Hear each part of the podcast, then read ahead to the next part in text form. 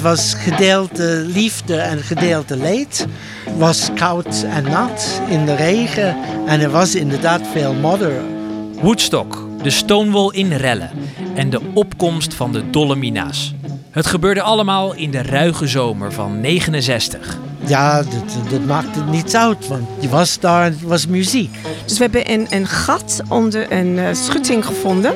En daar zijn we onderdoor gekropen en zo kwamen we binnen. We spreken de mensen die aanwezig waren tijdens deze historische momenten.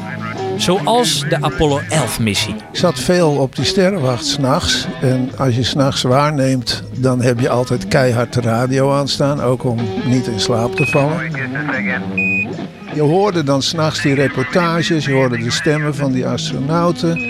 Maar we spreken ook de mensen van nu, die 50 jaar later die historische momenten met zich meedragen en voortzetten. Ik was er niet bij, maar toch, wat er overblijft is inspiratie. En het vormt nog steeds een inspiratie, ook voor mijn generatie. Die hebben dat echt zeg maar, al een stukje van de weg vrijgemaakt voor ons. En dat vind ik wel, ook wel mooi, om zo ook de geschiedenis te eren.